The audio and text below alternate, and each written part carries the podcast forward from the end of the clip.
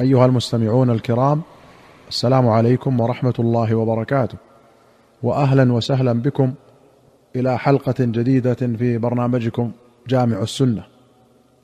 في كتاب القضاء أخرج الشافعي وابن ماجه وأبو داود والبزار والنسائي والدار قطني والبيهقي في السنن بسند حسن. عن ابن عباس رضي الله عنهما قال قال النبي صلى الله عليه وسلم من قتل في عمية في رمي يكون بينهم بالحجارة أو جلد بالسياط أو ضرب بعصا فهو خطأ وعقله عقل الخطأ ومن قتل عمدا فهو قود ومن حال دونه فعليه لعنة الله وغضبه لا يقبل منه صرف ولا عدل. العمية من العمى أن يعمى أمره ولا يتبين قاتله. وروي عمية ورمية وعمية ورمية وقوله في رمي يكون بينهم هذا بيان لما قبله أي ترام القوم فوجد بينهم قتيل أو ضرب بعصا في بعض النسخ أو ضرب مبنية للمجهول وقوله فهو خطأ أي حكمه حكم الخطأ حيث تجب الدية لا القصاص وعقله عقل الخطأ أي ديته دية الخطأ. وقوله فهو قود أي فحكمه القصاص. ومن حال دونه أي دون القاتل أن يقتص منه. وقوله صرف ولا عدل قيل نفل ولا فرض. وقيل توبة ولا فدية. وأخرج الشيخان رحمهما الله عن أبي هريرة رضي الله عنه أن النبي صلى الله عليه وسلم لما فتحت مكة قام فقال من قتل له قتيل فهو بخير النظرين إما أن يودى وإما أن يقاد أهل القتيل. يودى أي تدفع له الدية ويقاد أن يقتل القاتل. وأخرج مالك والشافعي وابن أبي شيبة والدار قطني والبيهقي في السنن بسند حسن عن سعيد بن المسيب رحمه الله أن إنسانا قتل بصنعاء وأن عمر قتل به سبعة نفر. وقال لو تمالأ عليه أهل صنعاء لقتلتهم به جميعا. وفي رواية أن عمر قتل نفرا خمسة أو سبعة برجل واحد قتلوه قتل غيلة. وقال عمر لو تمالأ عليه أهل صنعاء لقتلتهم جميعا. الغيلة الخديعة والمكر. والحديث أخرجه البخاري معلقا.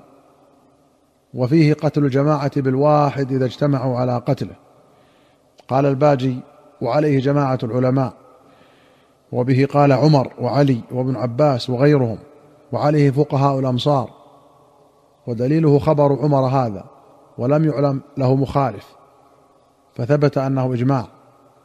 وأخرج مسلم عن وائل بن حجر رضي الله عنه قال إني لقاعد مع رسول الله صلى الله عليه وسلم إذ جاء رجل يقود آخر بنسعة فقال يا رسول الله هذا قتل أخي. فقال له رسول الله صلى الله عليه وسلم أقتلته؟ فقال إنه لو لم يعترف قمت عليه البينة. قال نعم قتلته. قال كيف قتلته؟ قال كنت أنا وهو نختبط من شجرة فسبني فأغضبني فضربته بالفأس على قرنه فقتلته. فقال له رسول الله صلى الله عليه وسلم هل لك من شيء تؤديه عن نفسك؟ قال ما لي من مال إلا كسائي وفأسي. قال أترى قومك يشرونك؟ قال أنا أهون على قومي من ذلك. فرمى إليه رسول الله صلى الله عليه وسلم بنسعته وقال دونك صاحبك. فانطلق به الرجل. فلما ولى قال رسول الله صلى الله عليه وسلم إن قتله فهو مثله. فرجع إليه. فقال بلغني أنك قلت إن قتله فهو مثله وما أخذته إلا بأمرك. فقال رسول الله صلى الله عليه وسلم أما تريد أن يبوء بإثمك وإثم صاحبك؟ قال يا نبي الله. لعله قال بلى. قال فإن ذاك كذاك. فرمى بنسعته وخلى سبيله. وفي رواية فلما أدبر قال رسول الله صلى الله عليه وسلم القاتل والمقتول في النار. فأتى رجل الرجل فقال له مقالة رسول الله صلى الله عليه وسلم فخلى عنه. النسعة سير مظهور من جلود يجعل زماما للبعير وغيره. وقوله نختبط أي نجمع الخبط وهو ورق السمر. يضرب الشجر بالعصا فيسقط ورقه فيجمع علفا. وقوله يبوء بإثمك وإثم صاحبك هكذا في المطبوع من مسلم. وجاء عند ابن الأثير في جامع الأصول يبوء بإثمه وإثم صاحبك. ومثله في رواية أبي داود والنسائي. دعه يبوء بإثم صاحبه وإثمه وهو موافق لما في القرآن إني أريد أن تبوء بإثمي وإثمك. قال القاضي وفي هذا الحديث أن قتل القصاص لا يكفر ذنب القاتل بالكلية وإن كفرها بينه وبين الله تعالى كما جاء في الحديث الآخر فهو كفارة له ويبقى حق المقتول. وقوله القاتل والمقتول في النار ليس المراد به هذين لأنه أخذه بأمره وإنما قاله تعريضا لحظه على العفو.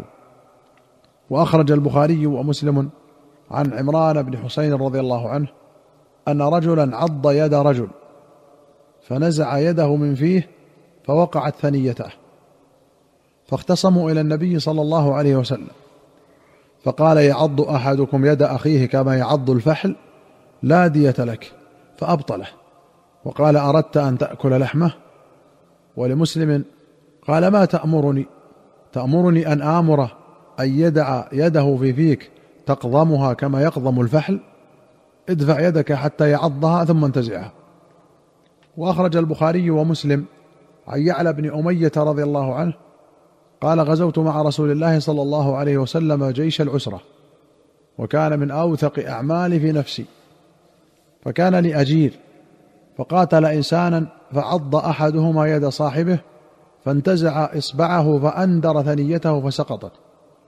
فانطلق إلى النبي صلى الله عليه وسلم فأهدر ثنيته. وقال أيدع إصبعه في فيك تقضمها كما يقضم الفحل؟ قوله أندر ثنيته أي أسقطها. وقضم يقضم من باب شرب هو الأكل بأطراف الأسنان. وقوله أهدر ثنيته أي أبطلها وأباحها. والهدر والهدر ما يبطل من دم وغيره. وأخرج مسلم عن أم سلمة رضي الله عنها قالت قال رسول الله صلى الله عليه وسلم لعمار تقتلك الفئة الباغية. وفي رواية قال تقتل عمارا الفئة الباغية. قال النووي قال العلماء هذا الحديث حجة ظاهرة في أن علي رضي الله عنه كان محقا مصيبا. والطائفة الأخرى بغاة لكنهم مجتهدون فلا إثم عليهم لذلك. وفيه معجزات ظاهرة لرسول الله صلى الله عليه وسلم منها أن عمارا يقتل وأنه يقتله مسلمون وأنهم بغاة وأن الصحابة يتقاتلون ويكونون فرقتين باغية وغيرها وكل هذا قد وقع كما قال صلى الله عليه وسلم. أيها المستمعون الكرام إلى هنا نأتي إلى نهاية هذه الحلقة.